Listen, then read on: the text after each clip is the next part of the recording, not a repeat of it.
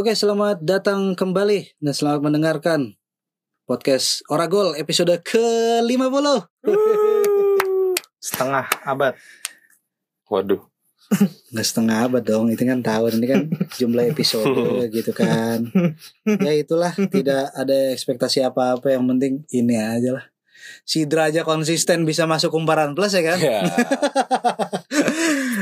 ya nggak nggak pengen apalagi kita nggak juga gitu juga sih. Ya udahlah santai aja. Ya selamat datang di episode hari minggu teman-teman. Walaupun ini direkam sangat dila ya karena keterbatasan waktu juga gitu. Jadi bisa jadi eh, di hari di mana episode ini tayang ya sudah banyak sekali update-update dan juga eh, perbincangan-perbincangan atau isu-isu di sepak bola yang udah banyak banget gitu. Hmm. trendingnya udah berubah ke mana-mana gitu. Jadi ini sangat tidak SEO-able sebenarnya. saya Ikhlas Alfari sebagai host dan teman saya Rehan Majid. Halo Lats, malam. Gimana Han? Mantap. Mantap jiwa. Ini hari Minggu ini rencana mau ke mana? Hari Minggu ini rencana mau balik, mau santai-santai di rumah aja sih. Ya ya. Kayak Ci gimana Ci? Arci Afrian ada di sini juga. Halo. Mau ke mana ya minggu ya? Arjo kali ya? Waduh. Ada Arjo. Ya, Iya, Sekarang. Arjo, ya. Banyak pameran di Jogja coy. Dari tanggal 7. Eh, kemarin juga di Iniseum juga ada pameran. Iya iya. Nah, Kalau lampunya nggak dimatikan, kamu nggak bakal bisa melihat ketakjuban dari lukisan Pak Galam. ngomongin takjub nggak takjub tuh aku mungkin emang sebagai orang latar belakang yang flat ya gitu nggak nggak ada seni seninya gitu sampai sekarang tuh sulit gitu loh sebelah mananya kita bisa menikmati eh karya seni gitu kalau mungkin dari sisi sisi apa ya sisi karyanya gitu kita ngelihat pasti kalau yang ada di benak pertanyaanku "Wah, anjir nih gimana cara bikinnya? Gitu. Takjubnya gitu bukan kayak uh ini masterpiece keren banget nih gitu kan kok Hmm. bisa ada gaya? Karena nggak ngerti teorinya juga malah justru pertanyaannya gitu. Itu ini gimana cara bikinnya? Ya gitu-gitu. Kok ada orang bisa bikin gini ya? iya. Bukan malah nggak apa nggak menikmati karya malah malah ngeliat Penasaran. iya malah malah kayak gitu. Ini oh ini. Kadang-kadang penasaran pengen megang gitu malah kan nggak boleh kan Nggak boleh, nggak boleh. iya pengen megang gitu eh, tapi nggak boleh dipegang tapi akhirnya dilihat dari bener dari deket banget gitu ini gimana nih gitu kok bisa ya gitu orang-orang tuh gitu Kemarin aku kan juga ini Riz, apa namanya kan eh, Han eh memvideokan itu kan. Aku berjalan ke museum Iniseum itu kan, museum pameran Iniseum itu kan. Lalu juga ngelihat tuh detail itu kan. Eh yang lukisan Cristiano Ronaldo itu dari Pak Dipo itu, Hmm, itu kayak kan kayak pop art WPAP itu kan. iya iya iya Tapi kok ternyata ya, aku kira ini paling cuma lukisan eh, template ngambil template dari Ronaldo ngambil. dari mana terus ditambah-tambahin gitu ya. Ah, ternyata pas kulihat dari video tuh anjir ternyata tuh tipis tipis tuh ada perbedaan mencolok gitu loh Hmm. antara warna warna misal 2 senti atau enggak enggak sampai lah. Eh, setengah senti ke kanan sama setengah senti ke kiri gitu udah beda itu. Loh Mu- muka orang tuh kirain ya bisa dilukis kayak foto akhirnya gitu kayak kayak foto. Dan dan kalau emang kelihatan dari jauh tuh kayak foto loh. Iya kayak foto Ah. kan. Ternyata pas dilihat wah anjir detail ini banget digambar gitu. coy. Benar-benar Ya, gambar gitu. ya make sense sih akhirnya ketika lukisan itu bisa mm-an lahir apa lakunya ya gitu. Betul gokil lah gitu ya ya harga sesuatu itu pasti make sense dengan Proses. proses produksinya segala macem gitu jerih payahnya lah jadi ya payahnya gitu value-nya itu justru di situ bukan di hasilnya gitu Ah. hasilnya ya di get image Pinterest banyak lah Iya. tapi tapi yang apa namanya di ruangan yang terakhir itu yang Hmm. lukisannya Pak Dipo Andi yang abstrak itu Mm, itu tuh walaupun itu cuman abstrak ya. Iya kan? Dan orang yang tidak berilmu pasti menganggap Iya. itu dicepret-cepretin iya doang. tuh, kayak- cepet-cepetin dong padahal kalau kita lihat kayak gitu tuh ada teksturnya loh. Tekstur dari mungkin cipratan atau apa itulah.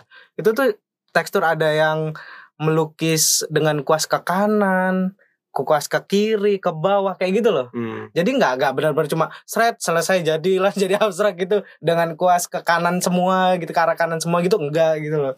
Dan aku takjub sih ngelihat kayak gitu. Besok ke Arjok juga. Semoga ada ketakjuban juga. Ya Arjok tahun lalu ada yang pernah ke sana nggak? Nggak. enggak ya? Enggak sih. Aku nggak tahu lah. Ya ada karena karena di banget karena iya karena di Iya, maksudnya ya kan cara kita menikmati Jogja kan beda-beda kan. Ya, ya, ya, ya. Kayak ya aku gara-gara ke radio buku aja jadi akrab sama pameran gitu kan. Hmm. Diajak kemarin ke Binale gitu kan. Uh, full Iya. full akses gitu kan pengen ke mana ini mau tiap hari ngajak temen, ngajak orang. Kan orang-orang kan harus ini dulu kan booking dulu kan. Eh, Saya datang dan pergi tuh ngajak sewa orang segala macem gitu kan. Tapi ya gitu, nih ya oke gitu itu karya seni itu mungkin bervalue tapi aku nggak ngerti teorinya sehingga aku akhirnya nggak menganggap itu spesial gitu loh. tapi tapi kayak kayak penasaran kayak oh kok bisa ya buat kayak gini gitu nggak sih di Arjok tuh banyak loh kayak misal pameran hmm, apa ya eh, kerajinan atau eh kekaryaan yang Hmm. kita bisa walaupun ada penjelasnya dikit kadang kan ada guide-nya Iya, iya, dikit iya, gitu ya Kalau nggak ada apa namanya keterangannya iya gitu. iya tapi eh. tapi pasti juga akan Kayaknya- bertanya-tanya kayak medio kita kayak mas-mas mediocre yang ke pameran gitu lah Kayaknya Kok in- bisa ya, indera gitu? perasa aku untuk seni itu bukan di mata deh, di teling di telinga kayaknya, di telinga sama di ya ya hal-hal yang verbal gitu loh. Hmm. oh hal yang verbal, retoris gitu-gitu. Jadi Itu- itu hal yang verbal. kalau kayak gitu tuh pernah di Binel itu yang Binel Nah iya, makanya aku Eh. daripada daripada pas di Binel kemarin, daripada sibuk ngelilingin, mending aku langsung buru-buru ke studio Iya, film pendeknya, itu, ha, film pendeknya dokumenternya. itu, dokumenter. bagus-bagus memang. Ha, Aku malah terhibur ke sana gitu. Untung ada itu. Kalau nggak ada, waduh. Boncos ya. Iya, mau mau moto juga kayak nggak ada artinya gitu loh. Bagi, bagi sebagian orang kan bagus nih Hmm. foto profil Estetik, baru, estetik. estetik Iya. gitu kan. Dijadiin apa namanya story apa segala macam. Aku ya formalitas aja gitu kan. Terus ada ada apa namanya foto, terus ada pakai tulisan tebak location gitu kan. gitu aja gitu. Tebak biar ada yang location. Biar ada yang biar ada yang nge-DM Biar ada yang nge-DM. caranya begitu Tebak location gitu kan. Bagus ya.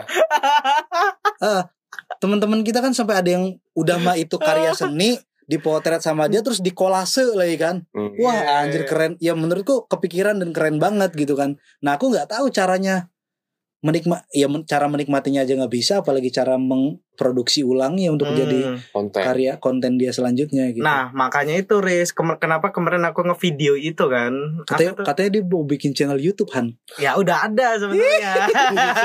Nah Kontennya apa? ya kontennya aku jalan-jalan kayak gitu Han. Ke museum-museum, Ah, dan- pameran-pameran. Eh, dan aku nggak mungkin nggak cutting dikit gitu ya. Tapi aku ingin benar-benar bagaimana para penonton itu merasakan Sensasi yang Eh, sama. eh, maksudnya bu- eh, nggak hanya melihat gitu loh, tapi merasakan bagaimana keriuhan mungkin atau atau suasana ketika aku ngobrol sama temenku kayak gitu mempertanyakan kayak gini-gini Ah. kayak gitu sih.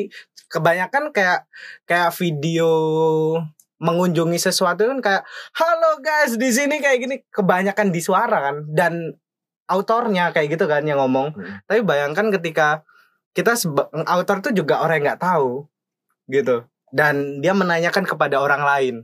Lalu ada kayak apa namanya suara-suara sekitar POV gitu. gitu ya. nggak POV juga. Ya udah, secara ya udah cuma ngerekam selesai kayak gitu. Kayak gitu.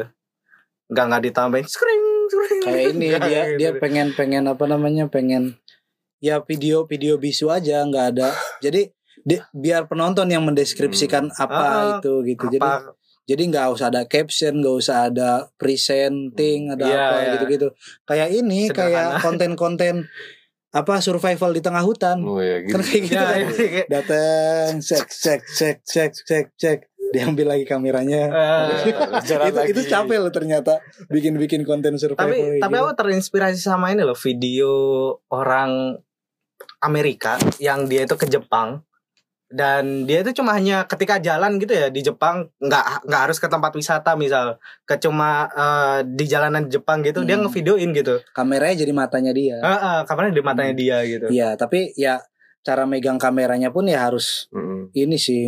ada ini dia ada ada ada Hmm. standnya gitu Kayak kemarin kamu cara megang kameramu ya kayak ini kasat lantas ya gitu. kan namanya juga baru awal Jangan kayak gini Ci, megangnya Ci. gimana Begini gimana aja santai. oh berarti potret gitu potret ya? aja gitu. Kesatuan. Ya, itu, itu, itu Kayak kasat bisa lantas saya apa namanya kayak gini nih. Ya kan Iya. biar bisa landscape bukan potret. Digital itu, digital itu teks itu nggak friendly sama eh, apa namanya bentuk huruf yang kayak Times New Roman, bentuknya Hmm. yang yang apa namanya cair-cair aja gitu. Hmm, Arial, Langsung Arial. Arial, Calibri gitu. Hmm. Nah, kalau itu kalau di teks di video itu nggak friendly sama konten-konten yang landscape, Oh sekarang kayak gitu. nggak nggak friendly. Tapi kan Gini, YouTube landscape Mas Yan. gini. Kalau kalau kamu konsepnya pengen vlogger gitu ya, Nah, nge-vlog gitu. Itu Ci. Oh aku coba deh, aku Iya, coba deh. makanya dari look kamu mendokumentasikan aja udah kayak ini.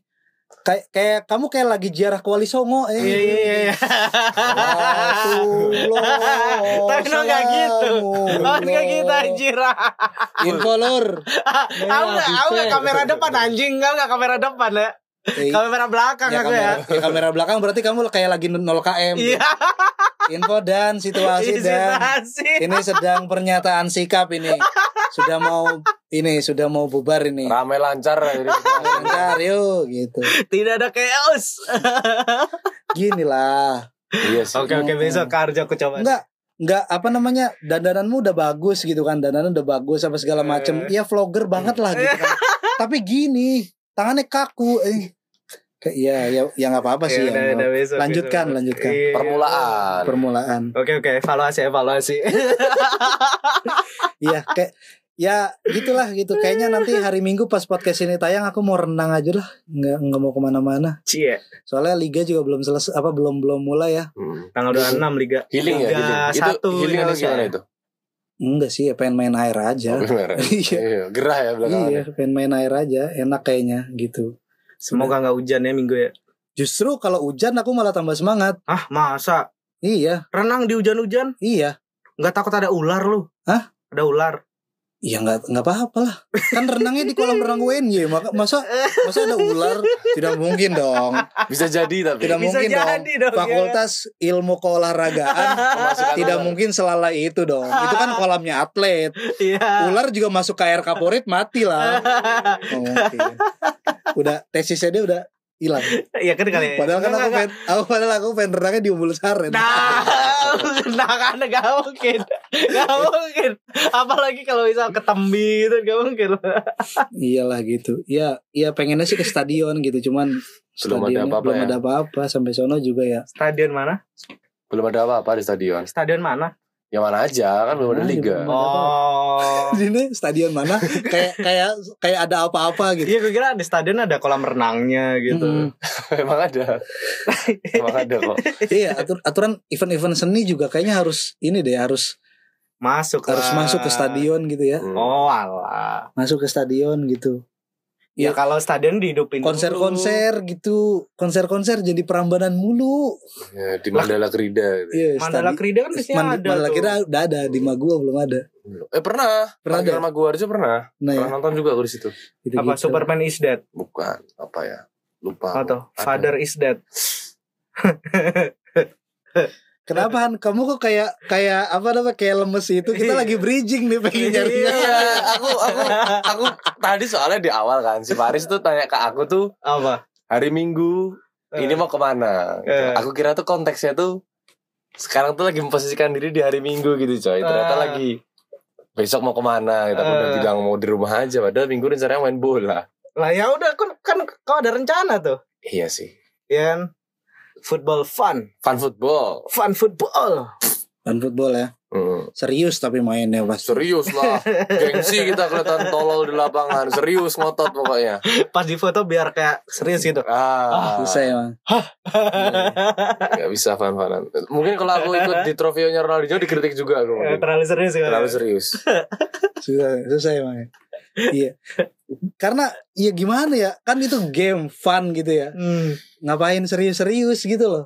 Aku kadang-kadang suka sebel juga sama ya ya teman-temanku yang kalau main PS nih itu beneran Serius. mental pemenangnya itu Oh, gokil. kompetitif banget. Oh, ya. kompetitif banget. Kalah sekali nih penasaran, penasaran sampai lagi lah lagi. sampai nggak kuliah loh. Eh di tempat kantor kan juga ya salah satu per, apa namanya biar nge-refresh otak kan main PES ya. Eh, eh, eh. PES 2017 tapi updatean 2020 pakai patch gitu. Namanya Gembox dari Tangerang. Oh tahu tahu. Iya. Kalau nggak Indramayu. Iya, oh Indramayu, iya Indramayu. Nah itu ada salah satu temanku juga dia emang jago banget. Tapi pernah tuh satu hari ku kalahin dia pakai Liverpool atau pakai City gitu kan. gue kalahin eh Ci lagi Ci ayo, Ci lagi gitu kan Enggak ah. Iya, aku, jadi aku jadi nggak mau enggak ah, aku masih ada kerjaan gitu ayo udah gitu penasarannya di kalah menangnya kalahin gitu. Mm-mm. Hmm. aku malah justru sering diledekinnya katanya aku kalau formasi bola gitu ya main PES atau main FIFA kayak kayak Habibi katanya lagi bikin pesawat lama gitu. Oh. Ya enggak emang justru ini kalau menurutku menariknya ke bukan di pas lapangan hijaunya, Hmm. justru aku pas di formasinya gitu. Ya eksperimen aja gitu. Tiba-tiba backnya jadi dua semuanya ke depan. Kalau enggak kayak jadi kayak sop sholat raweh gitu kan. Masa lu butuh gitu? back- iya, Ada. seru seru aja. Jadi bisa, nanti bisa. bakal bakal ngeliat nih rotasi pemain tuh ke mana. Seru aja. eh tapi Serius. minimal tiga Nes Bisa bisa di Enggak. minimal tiga. Cuma Iya. nanti pas rotasinya itu dia bisa cuma ning pas lagi nyerang itu cuma bisa ninggalin satu satu Back. main oh, doang. ofensif itu full Iya. ofensif Iya Ah. bisa kita atur kayak gitu ya Ah, gitu. full ofensif Oh. betul, betul. Di atas kan di atas kertas kan di atas kertas Iya, kan iya, itu yang ini ininya. Tapi kita bisa atur gitu tiba-tiba ya makanya teman-teman "Wah, anjir ini pemain maju semua gitu. Ya Eh. nggak apa-apa kan akhirnya dominan saat, saat. bisa coy. Bisa ya? Seru-seruan gitu. Langsung ada presetnya dari Justru, 1 sampai 23 Ya gitu menurutku kan. ya nak main. Soalnya aku kalau main kayak gitu pasti pakai formasi template 433, 422, udah gitu doang. ya karena kue nyari menang kan. Ya, nyari mainnya di lapangannya. Karena Nah, mainnya di lapangan, di lapangannya. bukan di formasinya nyari. Nah, Iya. di formasinya. Jadi apa pun Ah. yang terjadi misalkan flop nih eksperimenku, aku dibantai 7-0 gitu kan. Hmm. Bahkan sampai Sidik itu ngebantai aku 13-0. Dia ketawa-ketawa aja mungkin ngeliat ke goblok. Aku mah ketawa-ketawa aja. Mm-mm. Santai aja karena oh berarti eksperimen ini flop gitu. Nanti ayo main Hmm. lagi. Main lagi bukan karena nyari menang, aku rubah lagi eksperimennya yang lain gitu. Gue gak suka aku Nggak sama suka, kayak gitu. Iya, kayak tiba-tiba kayak tiba-tiba ya apa namanya meng mengimajinasikan pemain ini tuh beneran ben- apa beneran di Hidup, hidup, hidup. gitu ya. Ah. Kayak Jordi Alba bisa nggak sih dia main ke LMF. apa apa enggak bahkan jadi back tengah gitu, gitu. Anjay, goblok kalau itu. Kenapa coy? Iya betul. eksperimen, Iya eksperimen tapi itu kayak udah Eh, kalah sejak formasi, Jo. lah kita aku nggak nyari enggak nggak nyari menang. Betul. Iya. Yes. Aku nggak nyari menang. Wah, aku apa namanya? Phil Foden tak jadiin kiper gitu-gitu. Ah, nggak suka, nggak suka aku sama orang kayak gini. Kacau, Udah nggak niat dia. Lah. Bukan eksperimen, nggak niat Lah, ini. Kalau aku menang malah tambah bangga aku. Lah Iya. berarti lawanmu lebih bego daripada lu. Soalnya aku pernah ngalahin. Siapa Sidik? Enggak, ya maksudnya ya di di di circleku gitu. Di circleku Bego itu berarti orang itu. di circleku apa namanya Ian, Ian Sommer aku jadiin striker. Ya kan? kan? Main main pakai Swiss tuh. Ya. Terus yang Granit Sa- Saka. enggak enggak ya, yang strikernya itu siapa? Saperacik. Siapa? Ya. Lewi, Lewi. Saperovic itu. Itu jadi jadi sweeper. Jadi sweeper. Jadi Oke. sweeper tapi nanti bisa maju gitu loh. Jadi kayak Ah. nah gitu. Kipernya siapa? Sagiri. Ian Ian Sommer tuh enggak ya gitu-gitu lah. Seru coy. Granit Saka. Seru coy. Seru lah. Di sepak bola aja kita kan apa namanya bak- bakal dapat atensi yang Eh, banyak juga kan kalau misalnya tiba-tiba ada kan pemain-pemain kayak siapa Thiago Silva jadi kiper gitu, gitu. Chelsea. Ya karena kipernya kartu merah, Cuk. Bukan gara-gara emang dipasang jadi kiper anjing. Maksud. Iya, Lu gak tau ability kayak gitu. Ability, ability-nya pemain di PES. Iya tahu. Lah Ya iya kan kita nyoba eksperimen namanya eksperimen. Iya betul, tapi gak, Ah, gak mau punya lawan punya lawan kayak dia gak mau, udah gak niat itu. Lah, Gak, gak niat tapi men- kalau aku bisa ngalahin gue wah tambah Bego berarti aku, Jo. Ya, yang nggak tahu ya gitu, Iya. nggak tahu. Kita Tapi coba, Po. ini anjir setengah jam eh, apa, 20 menit, 20 menit. 20 menit doang ngobrolin PES ya. Ya, tapi kita nggak mau ngobrolin PES ya. Kita ngobrolin pemain bola yang bakal kita bahas pada malam hari ini. eh di hari ini kan hari Minggu ya, tayang Hmm. hari Minggu. Nah, dua hari sebelumnya itu di hari Jumat eh, ada peringatan lahirnya seorang pemain yang yang pantas lah ya disebut legenda gitu. eh pemain Argentina dengan nama Mario Kempes. Mario Kempes. Jadi dia lahir tahun apa 15 Juli 1954 gitu ya. Bener Hmm, gak sih 54 betul, betul, gitu. betul. Dia menjadi pemain bola di era 70-an bersinar gitu-gitu dan ternyata gitu sebelum era di mana eh, Maradona itu disembah gitu kan sebagai tuhan sepak bola yang pertama kali justru membawa timnas Argentina ini juara Piala Dunia adalah Mario Kempes. Nah, kita bakal ngomongin eh, kisah perjalanannya ya singkat-singkat aja sih sebenarnya profilnya kayak gimana. Oke, jadi Mario Kempes ini eh, sejak usia 19 tahun ini eh, awal karir perjalanan sepak bolanya bermula saat ia bergabung di klub Instituto de Cordoba. Bush. Jadi ini di kota mana nih nanti Archie yang di depanku megang laptop nih suruh searching lah. yang aku yang aku tahu yang Ini mana Cordoba. ah, Kotanya Cordo- Cordoba. kor- kota di Argentina. Iya, Cordoba kecil. Ya aku Kota tahunya kecil. itu kan di Di Spanyol, Spanyol. karena pernah dikuasai oleh kehalifan Islam. Ya. Jadi tahu ada di SKI. Kalau yang Instituto de Cordoba kan tidak ada Kan di SKI. Argentina juga dijajah Spanyol. Iya sih, cuman kan ya nggak tahu juga Hmm, kalau ternyata ngejajah ada. terus Masih namanya sama masih gitu namanya ya. sama juga, nggak tahu juga gitu. Apa ini, ini ngomong apa sih? Ternyata ya Instituto de Cordoba ini adalah ya produsen pemain-pemain hebat salah satunya di era sekarang tuh Paulo Dybala tuh asalnya dari situ. Betul. Masih. Betul. Lalu tunggu dulu. Aku nggak buka Google. Kaget kan goblok sih. Kok aku panik? Sorry, sorry, sorry. Aduh kotaku habis ya coba. Goblok kali. Kan pakai Enggak, siapa tahu dia bilang kayak gitu kan tambah ngeselin tuh. Oh, Udah iya. nggak buka, pas mau buka kan nggak ada wifi di Oh, sini. Emang saya sebodoh itu apa? Ye. Ya, masih Lalu masih pinteran aku lah masang masang Phil Foden di, di kiper. kan beda. Udah, udah dulu itu Phil Foden anjing. betul dari betul. Lalu eh, dia tiga musim bermain di Cordoba. Kempes itu berhasil mengantarkan klub tersebut promosi ke Liga 1 Argentina pada 1973 dan itu baru pertama kali Cordoba naik Liga 1 gara-gara Kempes. Apa kasta tertingginya di Argentina ya, Primera Ah. Division itu ya. Iya Liga Iya. 1 lah kita Hmm, ngomongnya ya. iya, iya. Kan aku agak sulit ya ngomong bahasa itu itu. Asing ya. Susah buat go internasional. gitu.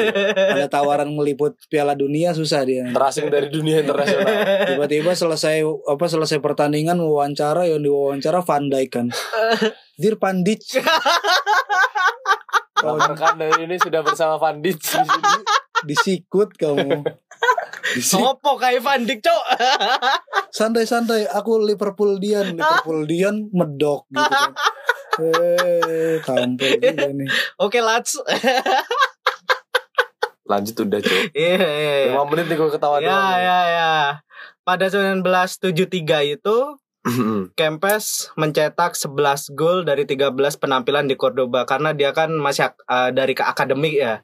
Dengan 13 penampilan yang minim itu dia berhasil mencetak 11 gol gitu. Namun ketika udah masuk Liga 1 nih si Cordoba ini, Kempes pindah dong. Si Kempes tuh pindah ke Rosario Central. Nama klubnya itu.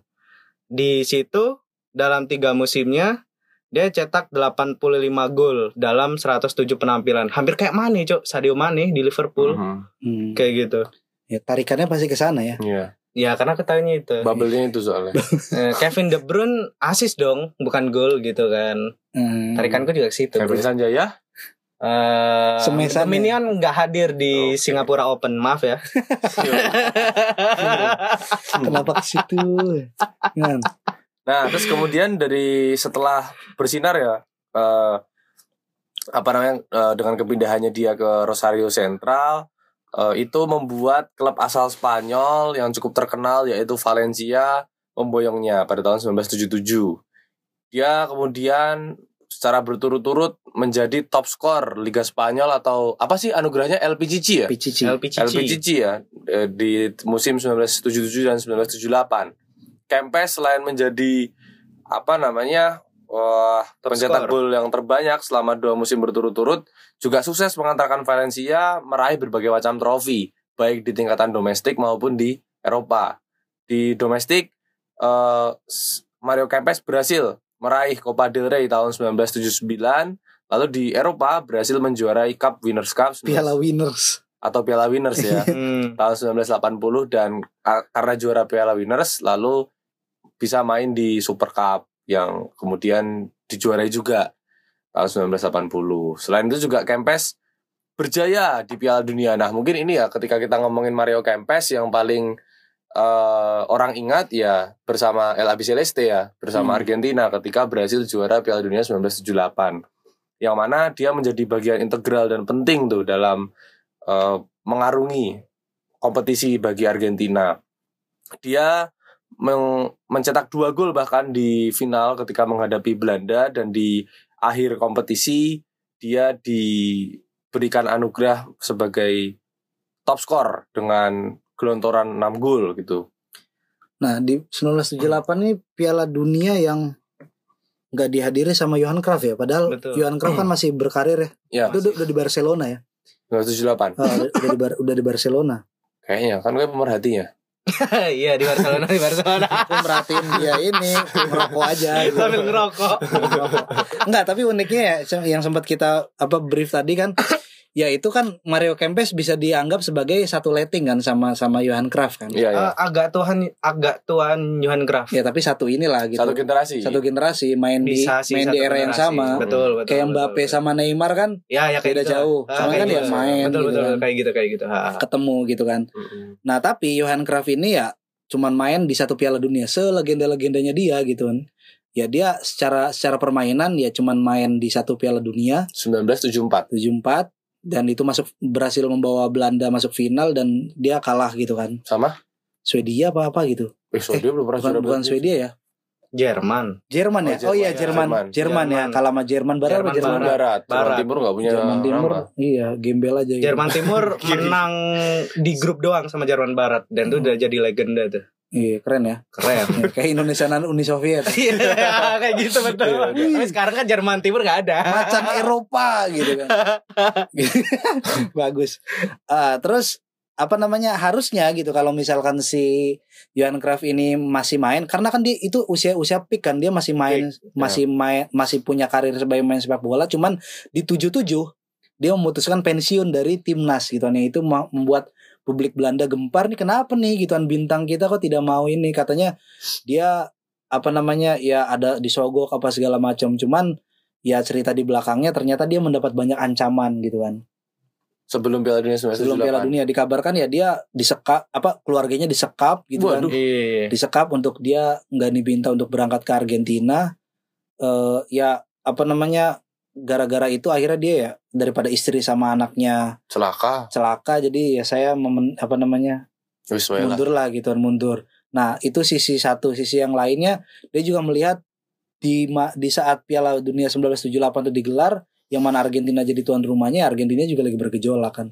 Dikuasai diktator saat nah, itu. dikuasai diktator junta militer Hmm. Nah, apa statement dia apa nam- keluarganya dalam ancaman tuh sebenarnya belum keluar tuh. Nah, statement yang justru keluar sama Johan Cruyff kenapa dia nggak mau berangkat ke Argentina di 1978 dia bilang saya nggak bisa main bola di atas di atas iya di dalam stadion yang mana di sekitar stadion itu penuh dengan pembantaian yang Junta dilakukan militer. junta militer Mm-mm. gitu. Yang, Ini ini pernah kita omongin dulu ya di episode Johan Cruyff itu ya, Iya, yang iya. masih banyak perdebatan antara kenapa sih Johan Cruyff itu antara dia emang pensiun atau nggak mau kan beda kan antara Iya. pensiun dan nggak mau untuk ke 1978. ah, Piala Dunia. 1978 dan alasannya juga banyak versi juga kan antara dia ingin lebih fokus ke keluarganya dulu hasil karena dari sekapan itu dan dia juga ada yang bilang karena idealismenya kayak gitu kan eh, atau jangan-jangan Piala 1978 ini main sabun.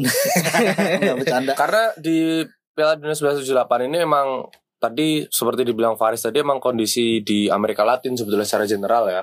Nggak cuma di Argentina itu emang sedang bergejolak bergejolak karena eh, terkhusus di Argentina 1978 si Isabel Peron eh, presiden yang menjabat saat itu digulingkan sama junta militer pimpinannya Jorge Rafael Videla. Yang ternyata justru membuat kondisi perpolitikan semakin Panas suram gitu Hmm, suram, suram. ya. Hmm, jadi eh kelompok sayap kiri dan politikus kanan itu semuanya dibungkam. Bahkan dalam catatan yang keluar dari beberapa laporan investigasi jurnalis Argentina, kurang lebih 30 ribu orang hilang selama masa dia memerintah. Anjing 30 ribu men. 30 ribu orang. Jadi salah satu yang paling kentara adalah tahanan yang namanya ESMA, ESMA, ESMA. Jadi tahanan itu cuma berada dua blok dari Estadio Monumental yang digunakan sebagai perhelatan Piala Dunia yang mungkin itu disebut oleh Johan Cruyff sebagai aku nggak mungkin bermain di sebuah lapangan yang di sekitarnya ada orang dibantai ya mungkin itu apa merujuk kepada ESMA sebuah camp konsentrasi yang di dalamnya ada banyak apa namanya pergerakan sayap kiri yang ditahan di situ Hmm. pada pertama kali eh, Jorge Videla ini dilantik apa melantik dirinya ya kan menggulingkan berarti kan dia melantik dirinya Kayak Soeharto ya. Ada super semarnya nggak tuh? waduh mungkin nah Super Semar, Iya. surat perintah Mario serangan Argentina. Semar serangan Argentina. Betul. Jadi Oke, waktu oke. Videla ini jadi presiden di awal atau jadi pimpinan Argentina saat itu di ESMA itu ada 5.000 orang yang ditahan. Dan Oke, ketika oke. dia lengser tahun 1980-an yang selamat hanya 200 orang. Itu belum dari orang-orang di yang di Petrus-Petrusin lah mungkin kayak gitu. Jadi Eh, Petrus Petrusin. banyak banyak banget. Jadi eh, memang 1978 mungkin be- sangat berkesan bagi karir seorang Mario Kempes. Kempes, tapi di mata publik sepak bola internasional dan pemerhati HAM dan segala macam, ya 1978 juga sebetulnya di diingat dan dikenal sebagai salah satu Piala Dunia yang terburuk. Makanya banyak banget kan testimoni soal bagaimana Piala Dunia ini dipenuhi ancaman. hmm. Bahkan yang lebih jauh katanya ya Argentina bisa juara karena disetting gitu. Iya main sabun gitu ya. Mm-mm. Karena sangat penting ya ketika Argentina juara itu mampu menambah elektabilitas seorang Jorge Rafael Videla gitu. Tapi menurutku satu sisi enak banget jadi orang FIFA ya. Maksudnya di- jadi orang sepak bola. Udah amat coy mau lo jadi mau di negeri lu hujan batu ya kita Bal-balan pokoknya. ya mau intervensi tidak boleh. Nanti sepak bolamu di banned. enak banget FIFA ya. Padahal FIFA juga wah anjir isinya busuk-busuk Kayak semua. Qatar hari ini ya. Iya kan Piala Kat- Dunia Qatar ini. Qatar hari ini. Seru, seru tuh kalau misalnya ada Rising Star tiba-tiba boykot. Saya tidak mau tuh apa namanya selebrasi di atas penderi apa namanya buruh-buruh migran yang meninggal ya. Musik. Udah nggak laku langsung di cancel itu Instagramnya langsung selesai followernya itu. nggak nggak dapat endorse. Take down. Tapi tapi mengenai kayak pertemuannya Johan Cruyff sama Mario Kempes ini itu sebenarnya udah pernah gitu Hmm. di 1974 gitu. Di grup neraka. Ya ya ya. Di da- jadi satu grup itu ada Belanda, Mm-mm. ada Jerman Timur, Jerman Barat sama Argentina eh sama Argentina. Iya. Eh Argentina eh, Jerman Jerman Timur, Jerman Barat, Jerman Timur, Jerman Barat. Belanda. sama Belanda. heeh. Dan di situ itu Argentina kalah 4-0 sama Belandanya Johan Cruyff gitu. Tapi saat 1974 itu Kempes kan belum di masa peak-peaknya. Masa peaknya kan 1977 sampai 80-an itu. Ya ya. ya. Nah, itu itu. Tapi coba ya misal kalau Johan Cruyff bermain di 1976 apakah Belanda bisa menggondol Piala 78, Dunia? Iya 78. Belanda bisa menggondol Piala Dunia. Wah. itu kan banyak yang dibayangkan juga ya sama Iya, iya. pemerhati sejarah sepak bola kayak Ah. gitu loh. susah sih kalau dalam situasi kayak gitu di Piala Dunia Piala Dunia sebelumnya tuh kalau aku pernah baca pas Italia pertama kali juara itu kan pas eranya Benito Mussolini, ya. Mussolini. itu lawannya itu Yugoslavia apa mana gitu ya tim kuat saat itu gitu loh tapi Hmm. mereka gituan di di apa namanya di ruang ganti itu Datengin. bukan dida- didatengin sama pemain Italia. Jadi memohon-mohon gitu loh la- didat- lawannya itu Yugoslavia apa siapa gitu. Hmm. atau atau Uni Soviet ya. Ya itu lah pokoknya. Jadi pemain Italia itu mohon mohon coy. Menangin kita menangin kita. Kita udah diancam nih gitu. Kalau misalnya kita kalah sampai Italia kita tinggal nama doang bakal tembak sama Benito Mussolini gitu. Jadi akhirnya melihat situasi kayak gitu tim lawan akhirnya ngalah. Yang membuat yang mempersilahkan Italia mencetak gol sebanyak-banyak kan menang menang banyak tuh Hmm. waktu itu 1974 ya? enggak zaman zaman perang dunia dua kedua coy Oh, oke oke oke oke tiga empat atau tiga delapan gitu Jauh-jauh banget ya. tiga delapan pas India Belanda main kayaknya Hmm. itu itu itu itu itu jadi ya sejarah yang harus kita baca lagi apa namanya datanya secara detail gitu Iya sih. karena ya tadi ngomongin soal situasi politik yang lagi suram gitu loh Hmm. sulit sulit Makanya eh, sangat disayangkan sekali ya. Aku aku aku sendiri nggak bilang kemudian di beberapa artikel kan disebutkan 1978 itu adalah berkas sekaligus aib besar buat Argentina. Argentina. Yang dituntaskan di 1986. Ya, sebelum Ya, disucikan sebelum, lah Ya, gitu sebelum sebelum sampai ke sana, Ah, ya si siapa namanya? Mario Kempes aku juga nggak kemudian karena hal seperti ini kita meragukan kemampuannya ya tetap dia dia dua kali PCC dan mengantarkan Piala Dunia apa pun ceritanya itu sebuah prestasi yang luar biasa. dan Piala Champions saat itu Valencia kan Winner Cups kan Piala Champions saat itu. Iya kan? bukan, bukan, Eh, bukan, beda ya? bukan, bukan, Bukan. beda. Jadi Cup Winners Cup itu itu nanti lah itu itu oh beda ya? juara Beda. FA, juara Copa del Rey itu ketemu. Oh alah.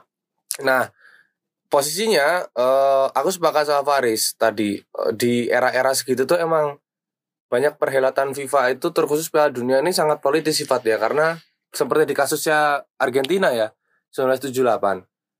Hal ini sangat penting buat rezimnya Jorge Rafael Videla bahkan di beberapa rapat kabinetnya Videla bahasan utamanya adalah soal menghelat Piala Dunia.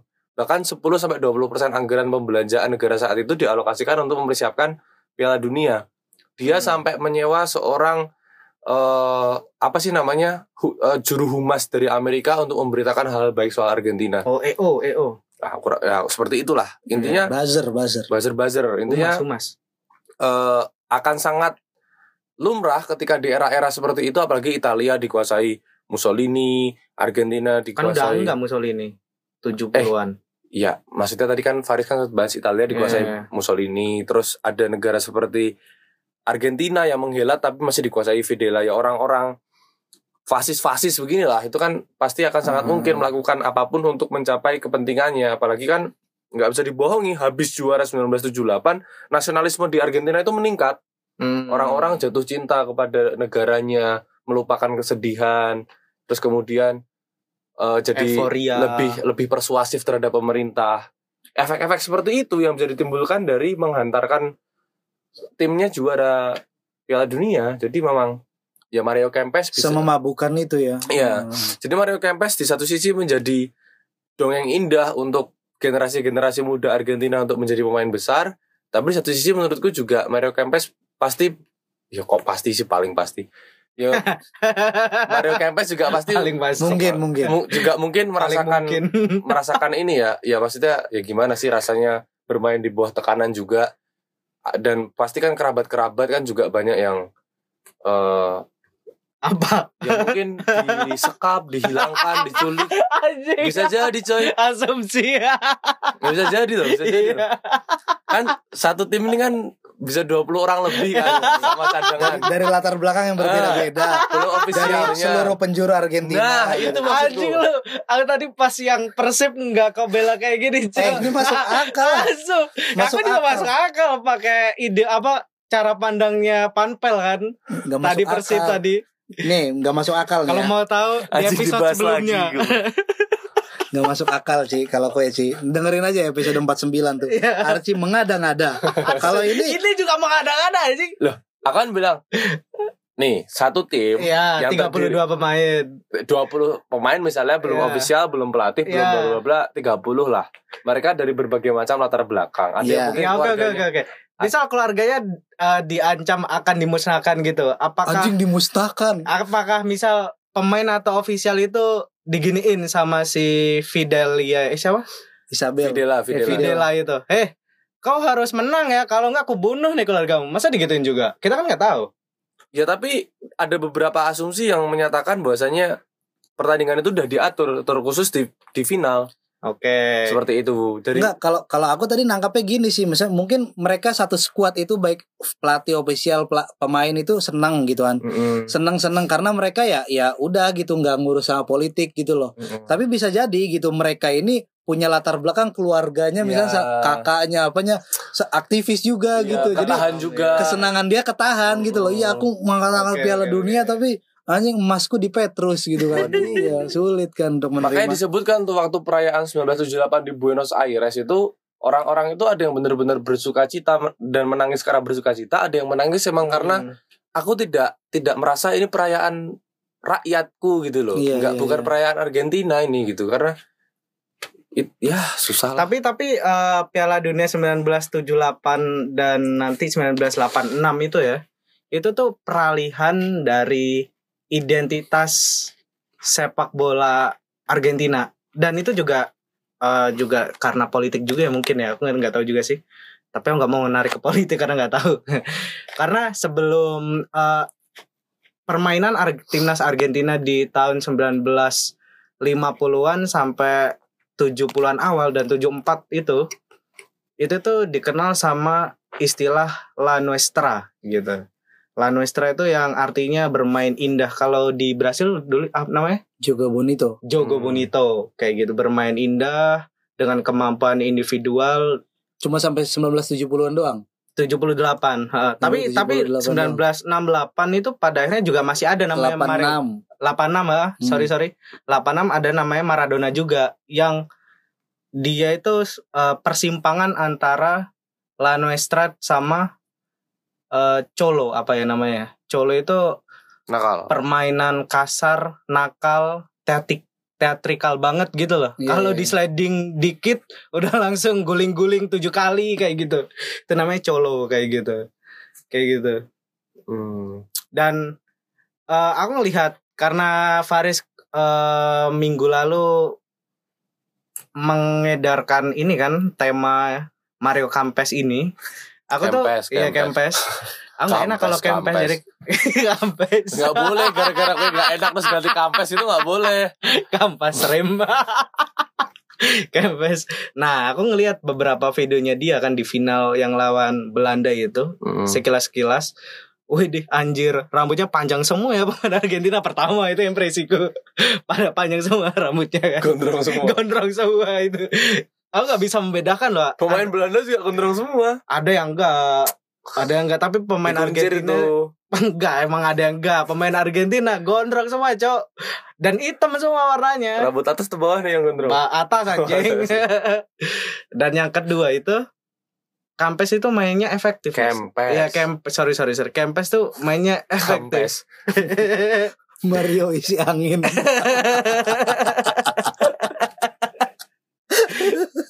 Dan dan mainnya itu efektif tapi nggak terlalu individualis itu loh. Mario membal.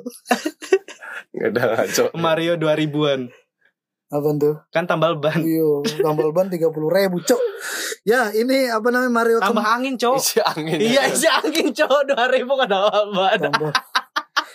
Ya, nggak tahu ya. Ini secara bahasa Argentina itu Kempes tuh artinya apa ya? Nggak Cuma, usah dibahas. cuman yang pasti gitu. Itu nama itu bakal unik kan Iya. kalau pelafalan kita. Nah, apalagi gitu. Eh, tahu, Legend. Kita gitu. Enggak tuh dulu. For information ya.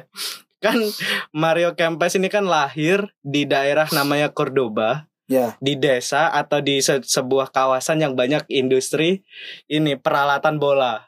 Dan dan ada pabrik bola juga. Mungkin gara-gara ada bola yang kem Kempes. Dinamain Mario Kempes. Itu akan kemungkinan kemungkinanmu itu Ci akan akan beneran kalau di Argentina itu kayak Suriname Nggak ada orang Jawa. ada orang Jawa gitu kan. gembos itu juga. Kempes.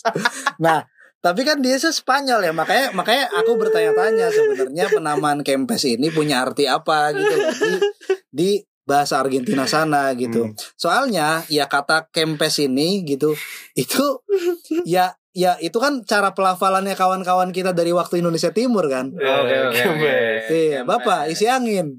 Ban sukempes Kempes. ini gitu. Kempes kan. Nah, uniknya lagi gitu ya. Ya ini kita kita ngomongin ya. Karir dia kan setelah menjadi Pichichi di Valencia gitu kan. Juara dunia. Juara juara, juara dunia itu kan mulai menurun ya di tahun 19 berapa nih? 1986 sampai 1992 gitu kan. Jadi udah masuk 80-an ini udah udah menurun gitu kan. Dari Valencia dia bukan justru main di klub yang lebih bagus lagi ya maksudnya Hmm. yang atau di Real Madrid atau di mana gitu. Dia justru main di klub-klub yang mediocre kayak Hercules, First Vienna, Kremser, Arturo, Fernandes, Vial dan setelah akhirnya dia muter-muter tuh gitu kan freelance freelance gitu kan di klub-klub Jaya Purwakarta. iya di klub-klub Eropa dia akhirnya me- memutuskan untuk berkarir ke Indonesia di salah satu klub yang kayaknya itu klub paling bagus saat itu ya Pelita Jaya Pelita Jaya itu belum Purwakarta Oh, coy. belum ya, belum ya. Pelita Jaya Indonesia. Ya Pelita Jaya aja gitu. Masih iya. Jakarta dulu mungkin ya. Kayaknya ya. Heeh. Itu main di Galatama kan. Itu pokoknya Belum profesional berarti liganya. udah profesional justru. Menuju. Galatama belum dong. Gak tahu belum. Justru Menuju. justru dulu kan ada dua liga, Perserikatan Perserikatan. sama Galatama. Iya. Perserikatan itu yang liga feodal itu kan yang primordial, yang Galatama itu ya liga apa namanya? liga profesional. Hmm. Jadi si pemain itu memang digaji yang klubnya itu klub-klub punya PT-PT, Petrokimia Gresik, Arseto Solo, Eh, Pelita Jaya menuju gitu-gitu. unifikasi lah ya. Nah, menuju unifikasi justru itu liga yang profesionalnya gitu. Nah Mario Hmm. Kempes itu main di Pelita Jaya. Nah kan jadi unik ya gitu kan. Hmm. Apa namanya pas op, apa ininya konferensi persnya itu kan jadi unik gitu loh. Orang-orang pada nahan ketawa semua ini gitu. Kempes. Aw- ya satu sisi mungkin takjub gitu. Wah ada ada juara dunia nih datang ke sini gitu kan. Hmm. Itu kan sebelum era Roger Milla juara datang ke sini gitu kan. Ada Jemba Jemba nanti ada siapa? Siapa sih ya pemain-pemain yang yang Asian. market player lah gitu kan. Hmm. Yang pernah Ada wingi. bukan hanya bukan hanya pernah main di level tertingginya sepak bola dunia tapi dia pernah memenangkan Wah. kompetisi tertinggi di dunia gitu kan ya menang piala dunia gitu kan Mario Kempes dia main di era 90-an ya 99 ya 1976 eh 1993 apa ya? di 1996 96 ya di usia 42 tahun. nah di 42 tahun yang emang udah ya udah nggak ada beban nggak ada ekspektasi lagi gitu tapi kan nggak tahu nih ada transfer knowledge macam macam apa gitu ketika Mario Kempes ini datang Tiba-tiba ke ya. tiba-tiba dan dengan rambut yang masih gondrong lah ya kan Iya, gondrong masian. Mm, mm, mm. Kayak terkenal banget gondrong saat itu ya. Ngetren. Ngetren. Tren jam jam zaman itu kayak nggak gondrong nggak sip kayaknya. Dan dan ini walaupun dia di usia 42 tahun, dia itu main sebenarnya kan dikontrak selama satu tahun doang. Iya. Tapi bukan satu musim coy, satu tahun kalender Iya iya. kayak iya. gitu. Dia cuman main 15 laga tapi nyetak 11 gol. Segitu Masih produktif. segitu apa namanya Timpang. jomplangnya ya Iya, oh ini dia levelnya ya. Aku aku ngomong positif loh, masih produktif. Kalian pikirannya negatif loh, Lah jomblang. Ya karena vi- 41 tahun. karena kita Iya. ya karena kita visinya ingin sepak bola Indonesia itu maju gitu loh. iya.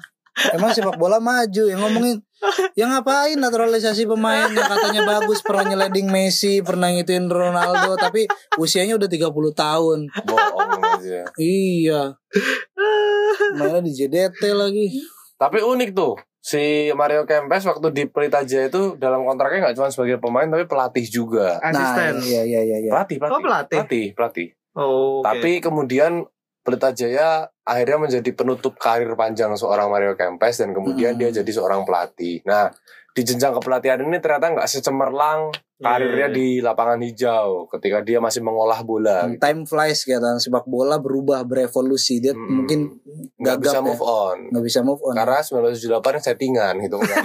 enggak, enggak bukan gitu kan gitu. Maksudnya ya kan siapa tahu kan. Iya, bisa Enggak, tahu. dia, dia main di bagus. Valencia kan tapi nggak di setting tuh. Iya, iya, Hmm. makanya kan Iya.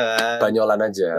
Anekdot. Ya, anekdot. Nah, jadi sepak bola berubah ya barangkali dia juga ya apa ya kurang mampu mengadaptasi mungkin kita juga nggak pernah tahu laporannya seperti apa dia nggak bisa ke level yang baik dalam kepelatihannya dia cuma menangani tim-tim semenjana Hercules Alfredo.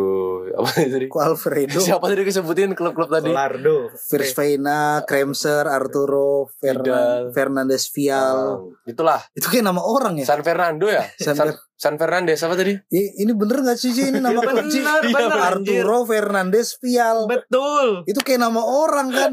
Wah jadi kalau kita disalah-salahin nih Archie nih yang riset guys. Ya itulah. Pokoknya akhirnya dia nggak pernah eh, Ini aja ada nama The Strongers ada. Ya, tapi ya nama unik tadi The Strongers justru menjadi satu-satunya barangkali kiprah Ciamik seorang nggak Mario barangkali pasti. Nggak Ya, usah pasti. ditanya-tanya. Iya, udah pasti fakta aja. Karena karena ya, kan kita nggak tahu di San Fernandes di Vial siapa tahu kan mengantar posisi kedua nggak ketiga kan, tahu kita kan ya. prestasi juga itu kan. Nggak cuman nggak ditulis. Ya udah kalau gitu kesepakatannya berarti The Strongest lah yang paling keren. Juara Liga Bolivia tahun 2001 Satu. Ini Bolivia kan Amerika Latin ya, tapi Amerika Latin. ada tim namanya The Strongest ya. Ada. Nah, ya itu aku juga. Iya, iya, Apakah bagus, aku ya. bener ini ya? Dataku. Apakah aku salah gitu? Apakah aku bener aja? Berarti udah kan pasti positif, pasti udah pasti salahnya gitu. Iya, apakah aku salah kayak gitu. apakah aku bener? Iya, apa aku benar gitu kan. Hmm. Tapi tapi eh kita ngomongin soal P- PS lagi Andes ya. Kempes itu nggak ada di di PS Legend loh. Adanya cuman Maradona. Iya, Johan Cruyff aja nggak ada. Ada Johan Cruyff. Ya ada. Tapi kan yang slating sama Johan Cruyff, Beckenbauer nggak ada. Ada. Beckenbauer ada. Lothar Matthaus Lothar Matthaus ada. ada boh. Ada. Tapi Mario Kempes nggak ada. Kempes nggak ada. Mungkin slot Argentina udah terlalu banyak. Pele mungkin. aja ada.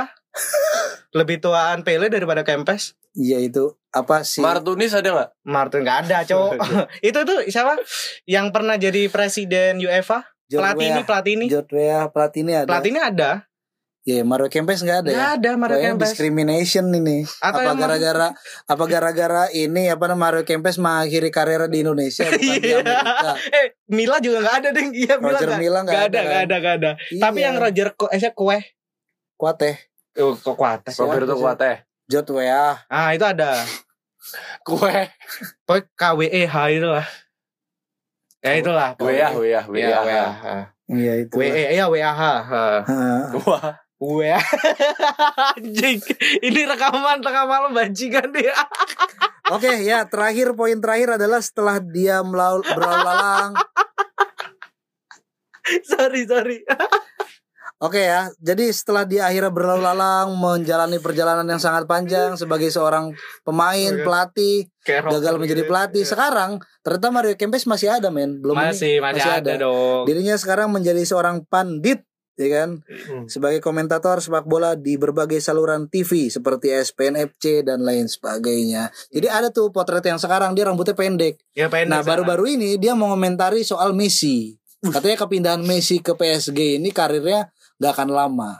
Wih, meramal ya sekarang ya. Jadi ini, ya jadi ini. Cenayang, Iya. cenayang sepak bola. Gue ini pernah ngelatih katanya gitu. Hmm. Di mana? Di Strongest FC. Strongest gitu. Gue ini pernah ngelatih dulu. Iya. Eh, Iya, lu kardus semua lo gitu. Nggak tahu. apa-apa. Gitu-gitu. Gary Neville kayak gitu juga nggak ya? Iya, Gary Neville gitu. Anjing. Iya nih Gary Neville. Wah, Pelatih nggak sukses tapi kan sebentar jadi. tapi ngomen-ngomenin Iya. Jurgen Klopp ini, Tuchel ini gitu kan. Kayak gitu ya gitu. Ceritanya. Hei, Anda dibantai itu pas main di Valencia. Eh, gitu aja lah. Udah lah ya, oke kita selesaikan saja rekaman tengah malam ini. Eh, makasih teman-teman yang udah mendengarkan. Eh, semoga Maaf kalau ada salah kata Haing. Cuman. Oke, kita bertiga cabut sampai jumpa di episode selanjutnya. Bye bye.